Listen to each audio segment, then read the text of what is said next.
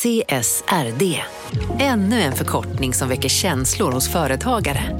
Men lugn, våra rådgivare här på PWC har koll på det som din verksamhet berörs av. Från hållbarhetslösningar och nya regelverk till affärsutveckling och ansvarsfulla AI-strategier.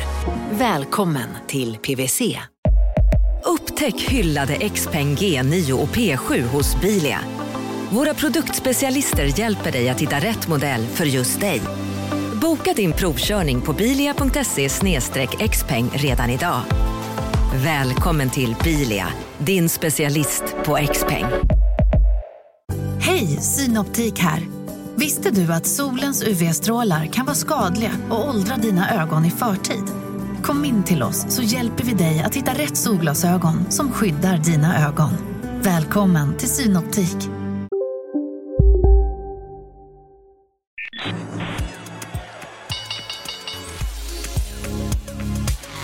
Här är Affärsvärlden Magasin med Helene Rådstein. Hej och hjärtligt välkomna till podden Affärsvärlden Magasin där vi varje måndag fördjupar oss i affärsvärldens journalistik. Jag heter Helene Rådstein och jag är reporter på Affärsvärlden. I det här avsnittet så är det i princip en förlängning av förra avsnittet där jag intervjuade Per Strömberg som är vd för ICA-gruppen. Han pratar en del om liksom att vikten av att vara hållbar och sådär. Det är ett resonemang som också i förra podden ifrågasattes av eh, livsmedelsföretagen om dagligvarujättarna verkligen arbetar på ett hållbart sätt eller inte. Det är också föremål för diskussion inom EU och det kommer nya lagar inom detta och sådär. Så jag rekommenderar faktiskt att lyssna på den podden också. I det här avsnittet så ska vi prata om matmarknaden ur ett mer holistiskt perspektiv. Alltså vart är vi på väg någonstans? För att i coronatider så pratas det ju allt mer om vikten av att bli självförsörjande. Och inte minst då inom mat och livsmedel. Men Sverige är självförsörjande till den grad att vi nästan kan göra en morotskaka idag. Vad krävs för att vi ska bli mer självförsörjande? Vad krävs för att det ska bli mer hållbart, hela systemet mot hela kedjan från bönder till förädlare, livsmedelsindustrin till och de som slutligen då säljer mat. Det finns också en annan aspekt här som är liksom, i en tid där vi övergår kanske mer och mer till att handla mat på nätet. Det är ju än så länge en ganska liten andel av det, de inköp som görs på nätet. Men vad händer också med de spår vi lämnar efter oss ifall det eskalerar framöver? Um, och om samma aktör säljer mat dessutom har en bank, vad händer med de uppgifterna då? I det här avsnittet så ska vi prata med Ingela Stensson. Hon är omvärldsanalytiker med inriktning på mat. Och Det är ett ämne som hon har bevakat från vitt skilda delar under 40 års tid. Hon är nestor i den här branschen. Eh, och med tiden så har hon också börjat ifrågasätta det rimliga i att kräva bra mat till en billig peng. Och framförallt mjölk tycker hon är lite konstigt billigt. Jag åkte till henne och slog mig ner i hennes kök. Marknaden sponsras av SPP, pensionsbolaget. Eh, förra gången pratade vi lite om ITP. Och som en kort repetition så, så var det ju 70-tal, arbetsmarknadens parter bestämde att alla tjänstemän ska ha en tjänstepension. Man kom överens om vilka villkor som ska gälla i den här pensionen och så kallade man den för ITP. Så jobbar man idag som tjänsteman i ett företag med kollektivavtal, då har man förmodligen den här pensionen, ITP-pensionen. Eh, och det är ju så att man kan påverka eh, den här pensionen, hur den är placerad. Vart femte år så gör nämligen Collectum, som de heter, en enorm upphandling där olika pensionsbolag kan ansöka om att få förvalta eh, de här pensionerna. Och SPP är ett av bolagen som valdes ut i den senaste upphandlingen. Och sen kan du som pensionssparare välja eh, vilket av de här olika pensionsbolagen som, som då ska få ta hand om dina pengar. Och tanken med den här upphandlingen är ju att liksom kvalitetssäkra de här olika alternativen eh, men också att förhandla fram stora rabatter så att pensionsspararna ska få, ja, kunna spara pengar genom att avgifterna eh, som är så viktiga eh, blir eh, lägre. Och vill man välja någonting i ITP-systemet då finns det en relativt ny sajt som heter avtalat.se. Ehm, där kan man gå in och se hur sin ITP-pension är placerad. Jag gjorde det häromdagen faktiskt. Ehm, idén är att hälften av pengarna alltid ligger i något som kallas för traditionell försäkring Det här gjorde vi ett avsnitt om i podden Kapitalet nyligen eh, som vi kallade världens bästa sparform. kan man lyssna på om man är intresserad. Eh, den andra halvan eh, den kan man också lägga i en traditionell försäkring eller så kan man placera det i något som kallas för fondförsäkring. Ehm, SPP som sagt eh, var ju ett av de fåtal bolagen som valdes ut i den senaste upphandlingen och de finns med som alternativ både med en traditionell försäkring och med eh, fonder. Så det var en liten bakgrund till ITP-systemet. Vill man läsa mer om det här eller typ kolla hur ITP-pensionen är placerad, eh, kanske göra förändringar, då går man in på avtalat.se. Eh, men tack säger jag till SPP som vill göra oss människor mer medvetna om hur enormt viktig pensionen är för oss som en framtida lön, men också som en positiv kraft i samhället eh, och förstås för att ni möjliggör eh, den här podden Marknaden. Du lyssnar på Affärsvärlden Magasin med Helene Rådstein. Nu ska vi se, är det bra volym? Vi sitter i ditt kök, ja? Ja, vi sitter i mitt kök. Mitt gröna kök. Ja, det är helt grönt. Ja. Och där är också så här gröna tomater. Ja, det är min odling med tomater på landet som jag har nu börjat ta in här när det börjar bli kallt och så vidare. Så, så eh, har jag tagit hit dem. Mm. Okay. Hur länge har du hållit på med mat kan man säga? Jag har hållit på med mat i ja, nästan 40 år. Och när man säger då mat och livsstil så det är liksom en mängd olika saker som du har riktat in dig på. kan man säga. Det är från marknaden, mm. liksom hur eh, hela livsmedelsmarknaden fungerar, vad vi äter, vad hållbarhet betyder mm. och vad hälsa betyder. Är, är det något mer? Ja, det är ju liksom, vad kan säga, om man har utgångspunkt i konsumentens vardag och, och helg och så, så är det konsumentens sätt att se på mat och konsumentens sätt att, att förhålla sig till livsmedel och mat som är, har varit min, min, min huvudidé hela tiden. Och så titta på hur kommunikationen sker, titta på hur produktionen sker, hur folks matvanor ändras, vad man har för insikter och vad man tycker i olika matfrågor och vad som är glädjeämnen och vad som är besvärligt eh, vad gäller mat och, och maten i livet. Och om vi tar när du började för 40 år sedan, när du började med livsmedelsmarknaden i Sverige, hur har den förändrats? Den har förändrats väldigt mycket. Då var inte intresset för mat eh, särskilt stort. Eh, det var verkligen någonting som var mm, perifert. Eh, så att det, mm, mm, jag, tycker, jag brukar säga att utvecklingen har gått så att förr var mat någonting privat, nu är det offentligt. Nu är det liksom offentligt vad du äter. Du visar vem du är genom att eh, ha vissa matvanor, att ha vissa matprodukter i, i händerna eller du är noga med vad du vad du visar upp dig med för sorts mat och på, vissa ställ, på vilka ställen du är och så vidare. Så att mat har blivit verkligen en, en livsstilsfaktor. Nästan som kläder kan man säga, eller? Ja, absolut. Det säger mycket om dig vad du väljer för mat, vad du bjuder på, vad du dricker och äter och så vidare. Det säger en hel del om dig. Varför har det blivit så? Alltså, jag tror att eh, ja, generellt är ju utvecklingen sån att Eh, det förr var, förr var väldigt mycket det som hände ute i världen och nu går vi närmare person, personligt. Det är mycket, media är mycket mer inriktad på personliga frågor, personliga saker. Det är liksom ingenting som är hemligt längre på något sätt utan det är, det är verkligen fokus på hur, hur människor fungerar. Och om vi ser till hela industrin, om man säger så. Hur har den förändrats under, sen du började titta på mat och livsmedel och sådär? Alltså, det har ju hänt mycket där, väldigt mycket. Och livsmedelsindustrin har blivit eh, oerhört mycket bättre på många sätt och varit, blivit riktigt duktiga på att titta på vad det är konsumenter vill ha och följer trenderna och eh, så vidare. Och sen har det ju då relationerna mellan handeln och man kan säga det är bönderna eh, livsmedelsföretagen och handeln som är de tre spelarna där i kan man säga. Och restaurangerna. Mm. Och här har ju rollerna förändrats ganska mycket. Vi går ju oerhört mycket mer på restaurang nu, ja, före corona då, men eh, än vad vi gjorde förr i tiden. Eh, så att restaurangerna har ju blivit en stor del och restaurangerna har då tagit eh, liksom del av matkronan på så sätt att den har till och med minskat på dagligvaruhandeln för att folk äter ute istället. Sen har det ju blivit oerhört många fler, tusen, tusentals fler produkter i våra matvaruaffärer. Och eh, bönderna, bönderna är eh, på något vis alltid de som lite kommer i kläm och har svårt med lönsamheten. Det finns förstås bönder som tjänar pengar men generellt så är vi inte så duktiga tycker jag på att sköta om våra leverantörer ursprungsleverantörer av mat. Vad skulle man kunna göra för att förändra det? Alltså alla, vi, vi, idag älskar vi ju bönderna allihopa. Vi, liksom, vi tycker bönderna och kockarna det är våra hjältar vad gäller mat. Mm. Och det har ju förekommit väldigt mycket olika eh, projekt och sånt för att stödja bönderna från konsumenthåll och så vidare.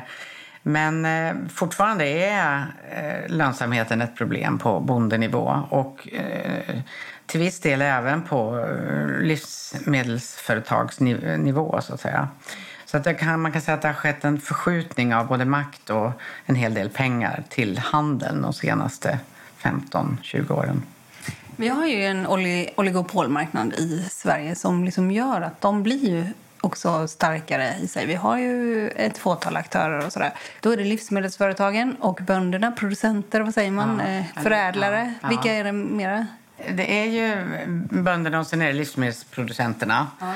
livsmedelsföretagen mm. och så handeln och restaurangerna. Det man kan säga att det är de fyra arenorna. Och där har det skett ganska stora förändringar. I makt, det har skett ett, ett maktskifte helt enkelt. Handeln har mycket mer makt över vad de eh, köper in nu än vad de hade förut. Och handeln har eh, positionerat sig väldigt mycket mer eh, än vad man gjorde förr i världen.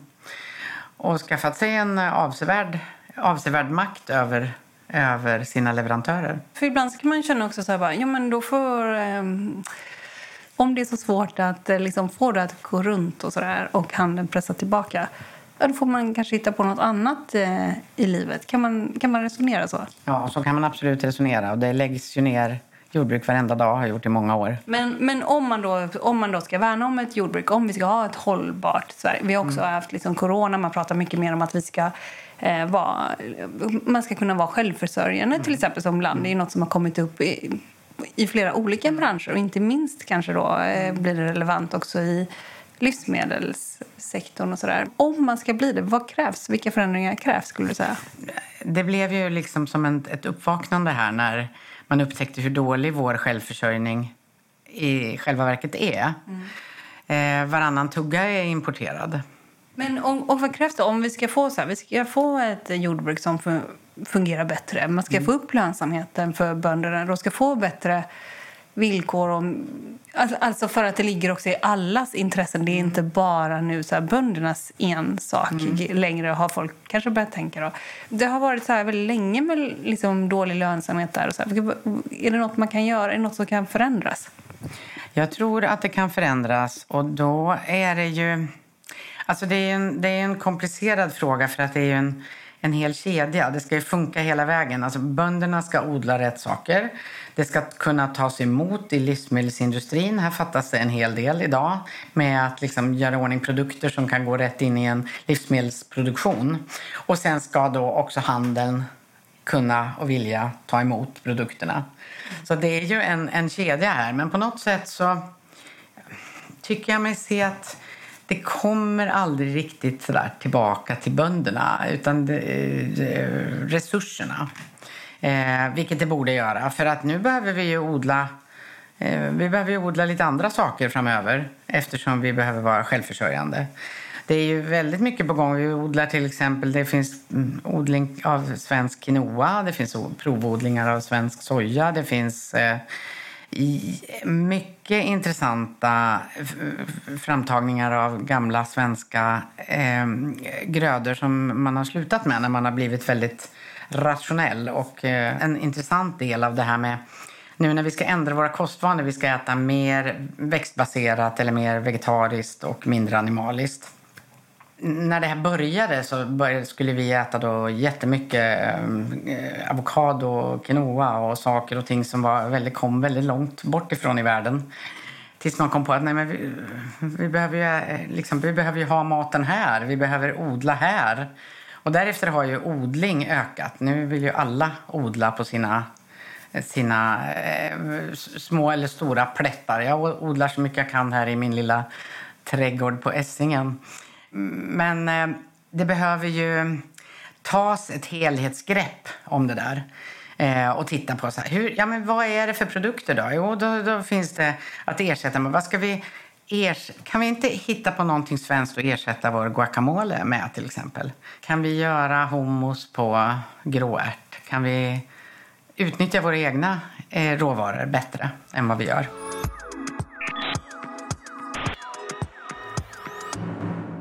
Men om det också ska bli verklighet, kan de på inköpssidan, om vi tar då här som jag står för oligopolen och det är Axfood och det är Ica och det är Coop framförallt som har 90 procent tror jag va? Ja. Om de har så pass mycket, de är väldigt starka inköpare och jag gjorde en intervju med Icas vd här för ja, någon vecka sedan.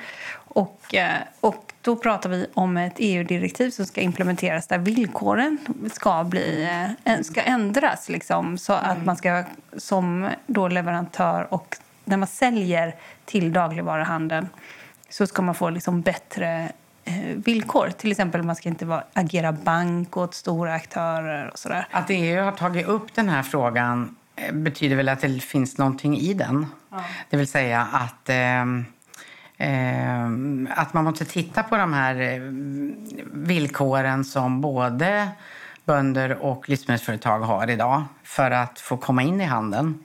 Och det, är det som har skett, att, att handeln har fått ett väldigt stort... Oligopolet har fått en väldigt stor makt att bestämma vad som finns på hyllorna. Och inte minst genom sina stora satsningar på egna märkesvaror. Det vill säga att det märks eh, av kedjan. Ica har egna märken eh, och eh, Coop har sina egna märken. Alla har sina egna märkesvaror och de pushar man ju väldigt hårt och sett, får kanske bästa platsen och så vidare. Och då pressar man ju leverantörerna till att leverera billigt. Och, och det, vad jag är ute efter här, det är en sorts ansvarskänsla kanske. Att eh, om, om, om, om marknaden pressas så hårt så blir det inte, finns det inte plats för bra forskning och utveckling, produktutveckling, att liksom ta fram riktigt bra produkter. Och jag tycker mat är en av våra absolut viktigaste glädjeämnen. Om det är så pressade förhållanden så att vi inte tar fram de bästa produkterna då tycker jag att det är ett gemensamt ansvar med både handeln och livsmedelsföretagen och bönderna. Att man hittar vägar så att det finns drägliga villkor. Och jag tror inte konsumenterna uppskattar att, eh, att vissa pressar andra hårt. Eh, för att eh, eh, jag tror att svenska konsumenter vill att bönderna ska ha schyssta levnadsvillkor, arbetsvillkor och att eh, livsmedelsföretagen ska eh, ha möjlighet att hitta på riktigt bra nya livsmedelsprodukter. För, för de kommer inte av sig. Det måste finnas marginaler för att man ska utveckla de här sakerna. Och eh, som jag har förstått det tidigare så ha, det handlar också om matsvinn. Alltså det handlar faktiskt om så här hållbart, dels att vara självförsörjande men dels att inte slänga liksom, hur, hur många avokado slänger vi till exempel, vet du?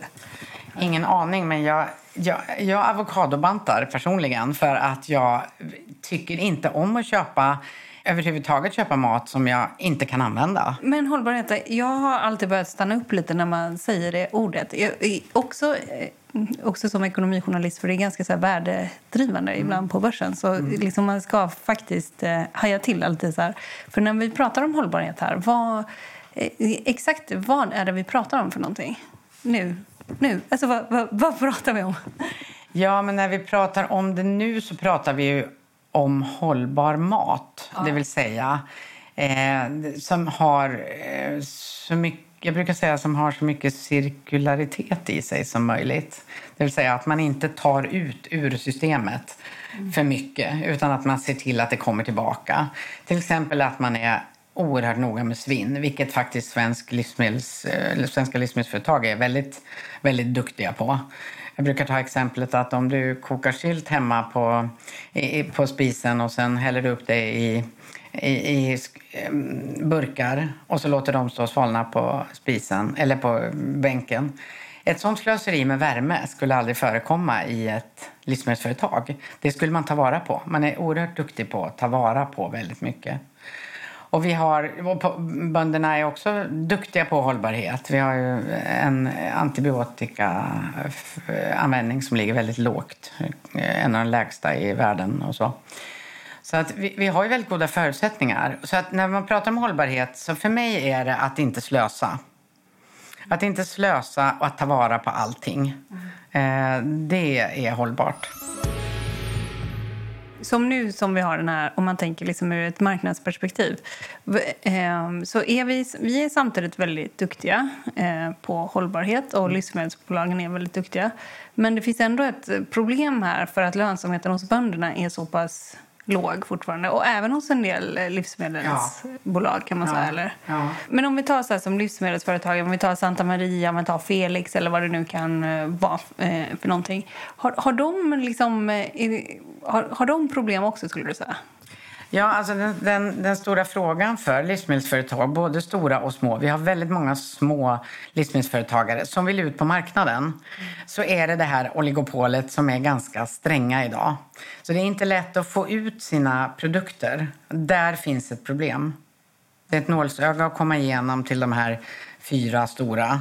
Eh, och inte lätt att, eh, att eh, komma igenom det här och få en marknad som fungerar.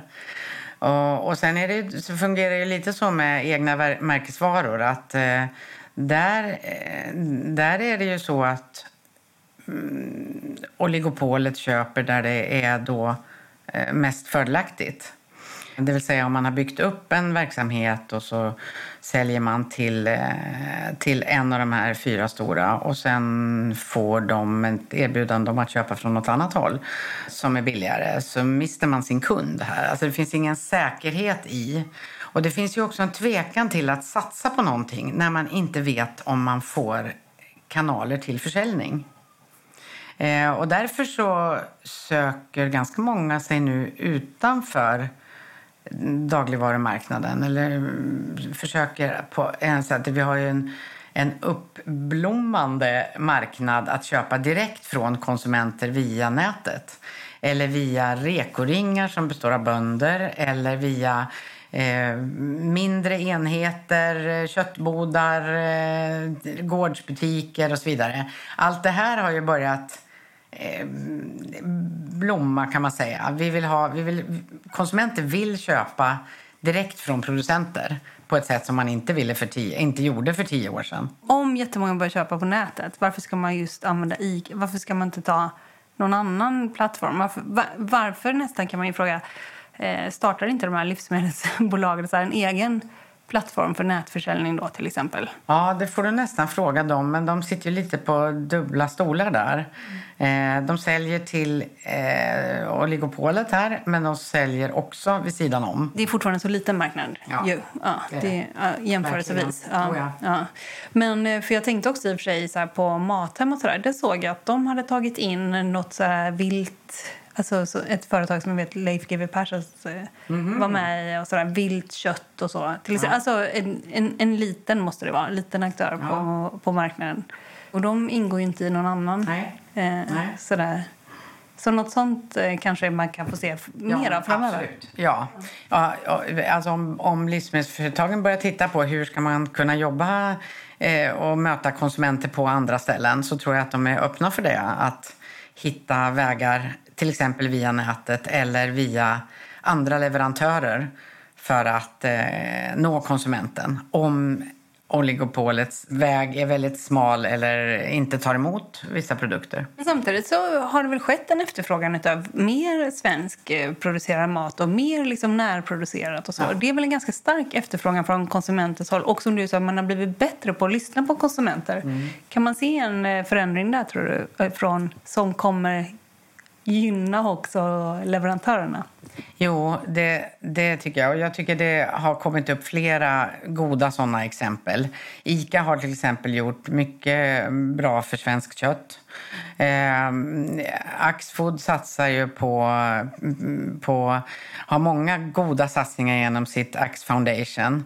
Eh, Coop har ju eh, också en hel del intressanta, eh, intressanta satsningar på gång och även Lidl eh, som ju började med att ha väldigt mycket utländska produkter.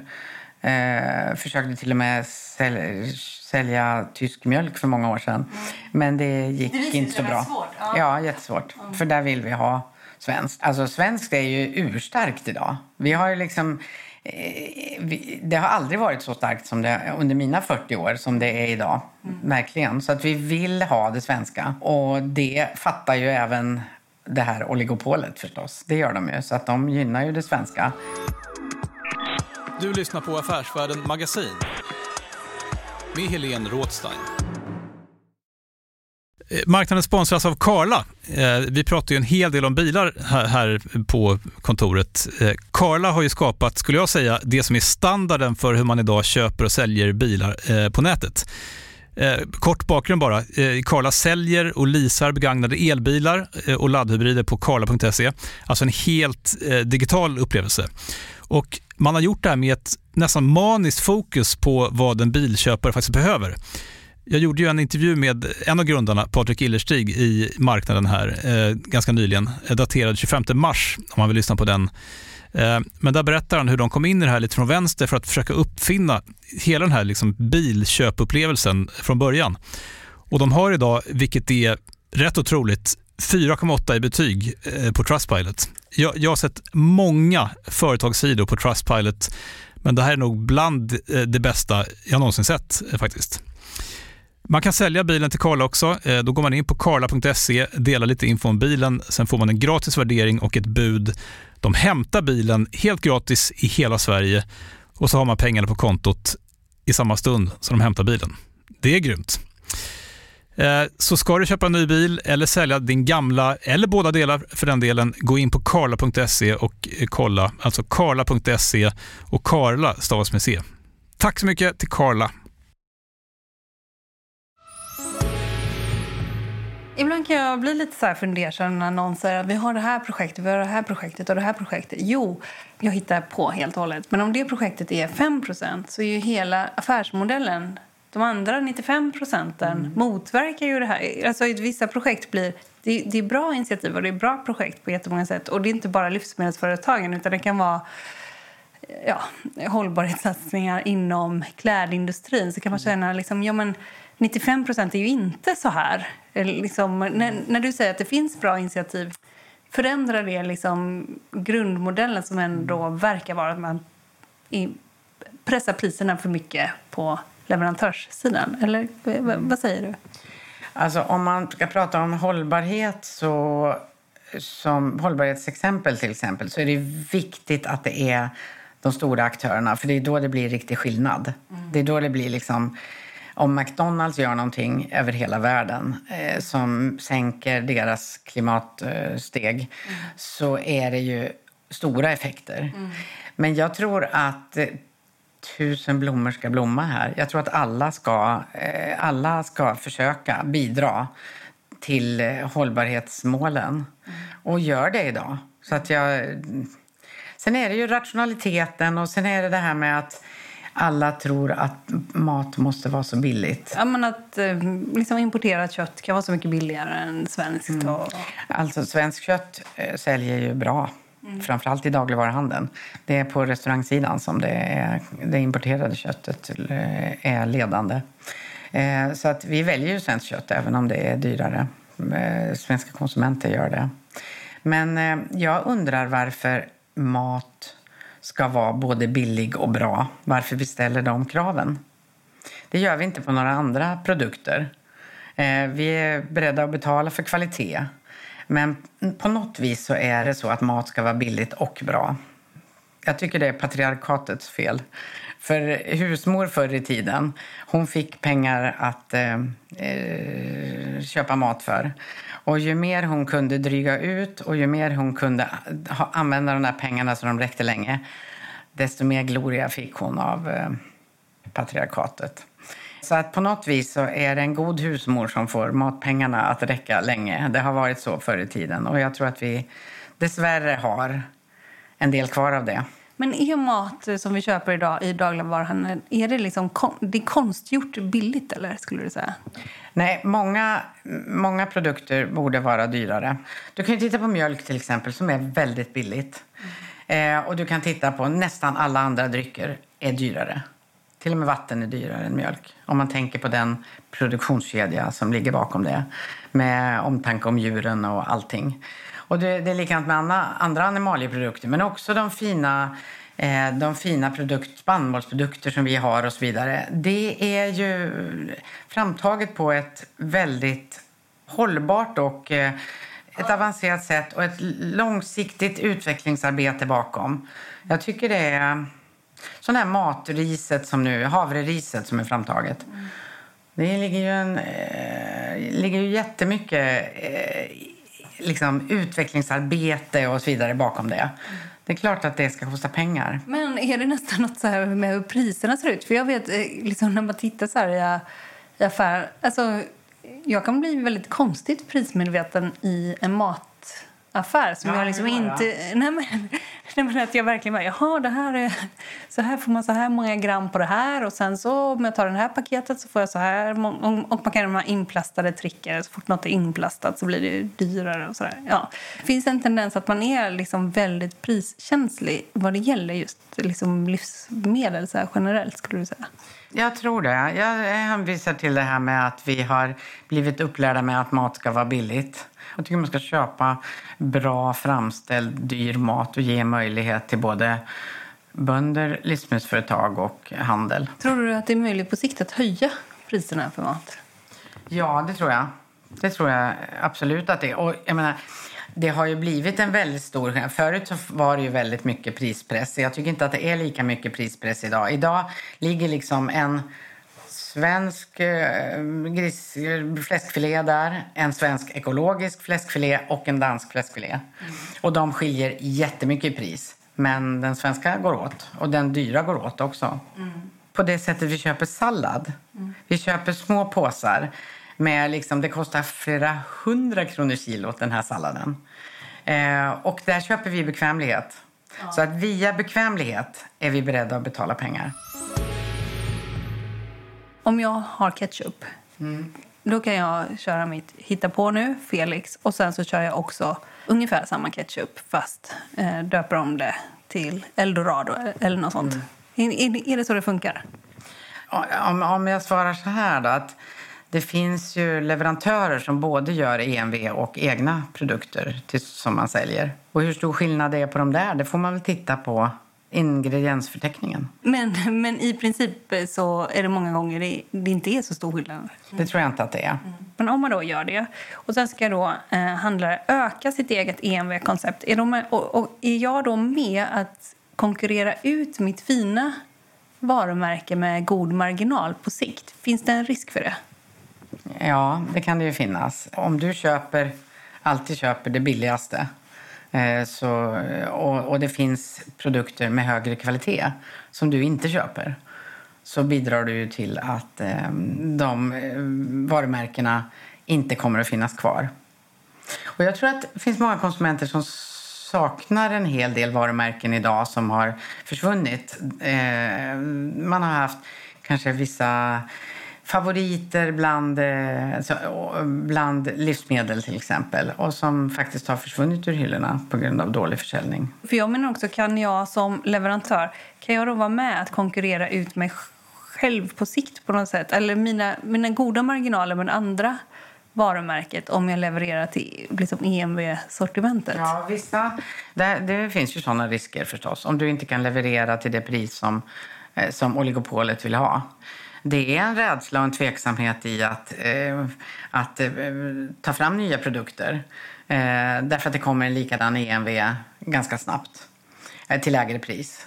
Så att här finns det ju oro i eh, livsmedelsföretagen. Det, kan jag mycket, det har jag stor förståelse för. Varför har man då inte som storhandlare utvecklat egna produktionskedjor helt och hållet? Varför tar man bara inte över produktionskedjor? Det får du nog fråga dem om.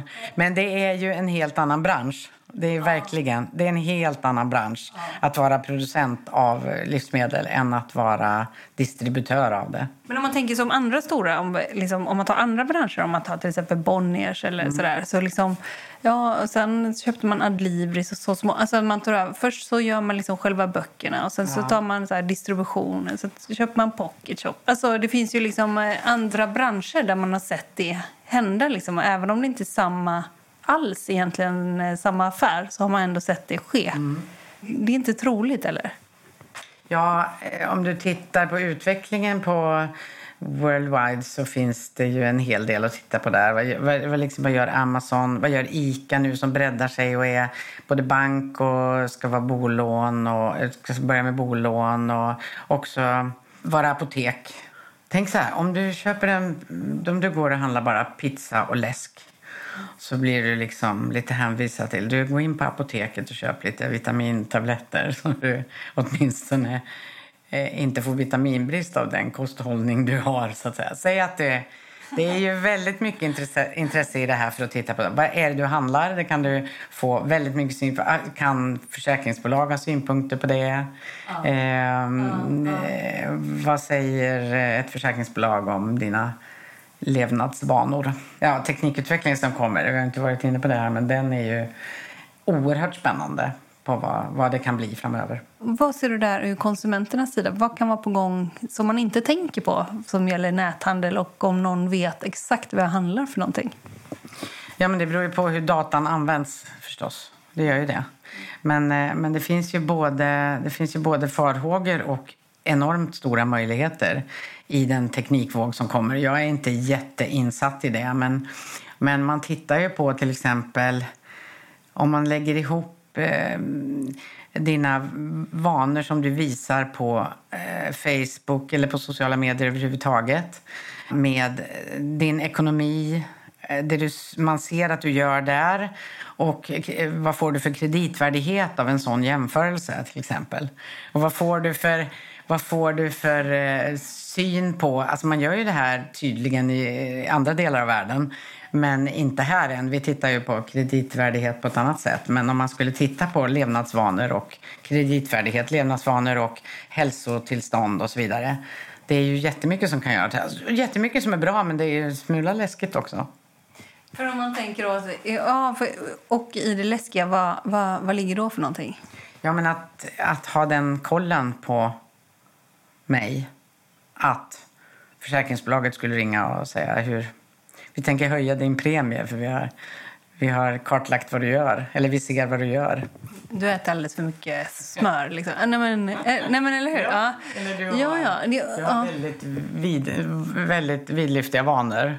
Finns det nåt som är på gång där? Liksom att eh, ja, det du köper in, det du handlar på mat på nätet, det ska bara stanna till mat på nätet? Eller kan det exempelvis vandra vidare till en bank som också har livsmedelsbolag i sig? Ja, det, det vet man ju inte. Alltså, man kan ju se en del intressanta saker. Jag som är analytiker tycker det.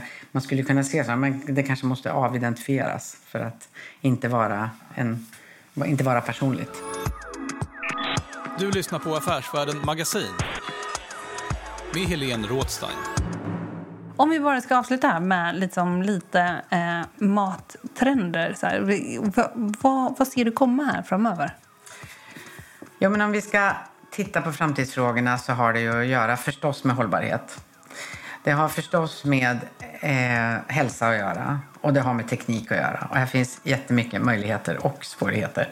Men eh, att vilja få människor att leva ett hållbart liv är verkligen en fråga som angår oss alla. Att tycka att det är härligt, att tycka att det är mysiga familjemåltider eller, familje, eller vänmåltider man vill skapa. Att kunna känna att man bidrar till att eh, klimathotet eh, avvärjs. Att eh, bidra till att eh, våra bönder överlever och skapar den mat vi behöver att eh, det finns en gemensam arena här med bönder, eh, restauranger, eh, livsmedelsföretag och handel som fattar att konsumenten kräver att man gör det här med i, i samförstånd i, och i, med att man har en omtanke med varann om möjligheterna för framtiden. Ser du just på det framöver? Ja, jag är en sån här obotlig optimist. Jag tror att det kommer att lösa sig. Det kommer inte vara helt lätt. Och det kommer att vara en hel del som eh, kanske är motsträviga. Men jag tror faktiskt inte att vi har så mycket val.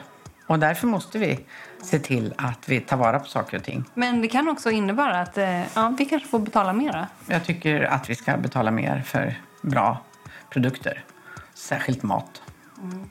Jag säger tack till dig Ingela Stensson för att jag fick komma hit och titta i ditt kök här. Tack så mycket. Tack så mycket. Du har lyssnat på podden Affärsvärlden Magasin som utkommer varje måndag. Mer information och mer nyheter och aktieanalyser finns på affärsvärlden.se. Och vi har också en annan podd som heter Affärsvärlden Analys som jag tycker ni ska lyssna på. Och de som är intresserade av att sätta saker och ting i en vidare kontext vad gäller näringslivet och samhället i stort. Ni ska också lyssna på Bokpodden som vi har. Men den här podden, Affärsvärlden Magasin, den utkommer varje måndag. Så det är en vecka kvar till nästa gång. Håll ut, vi hörs!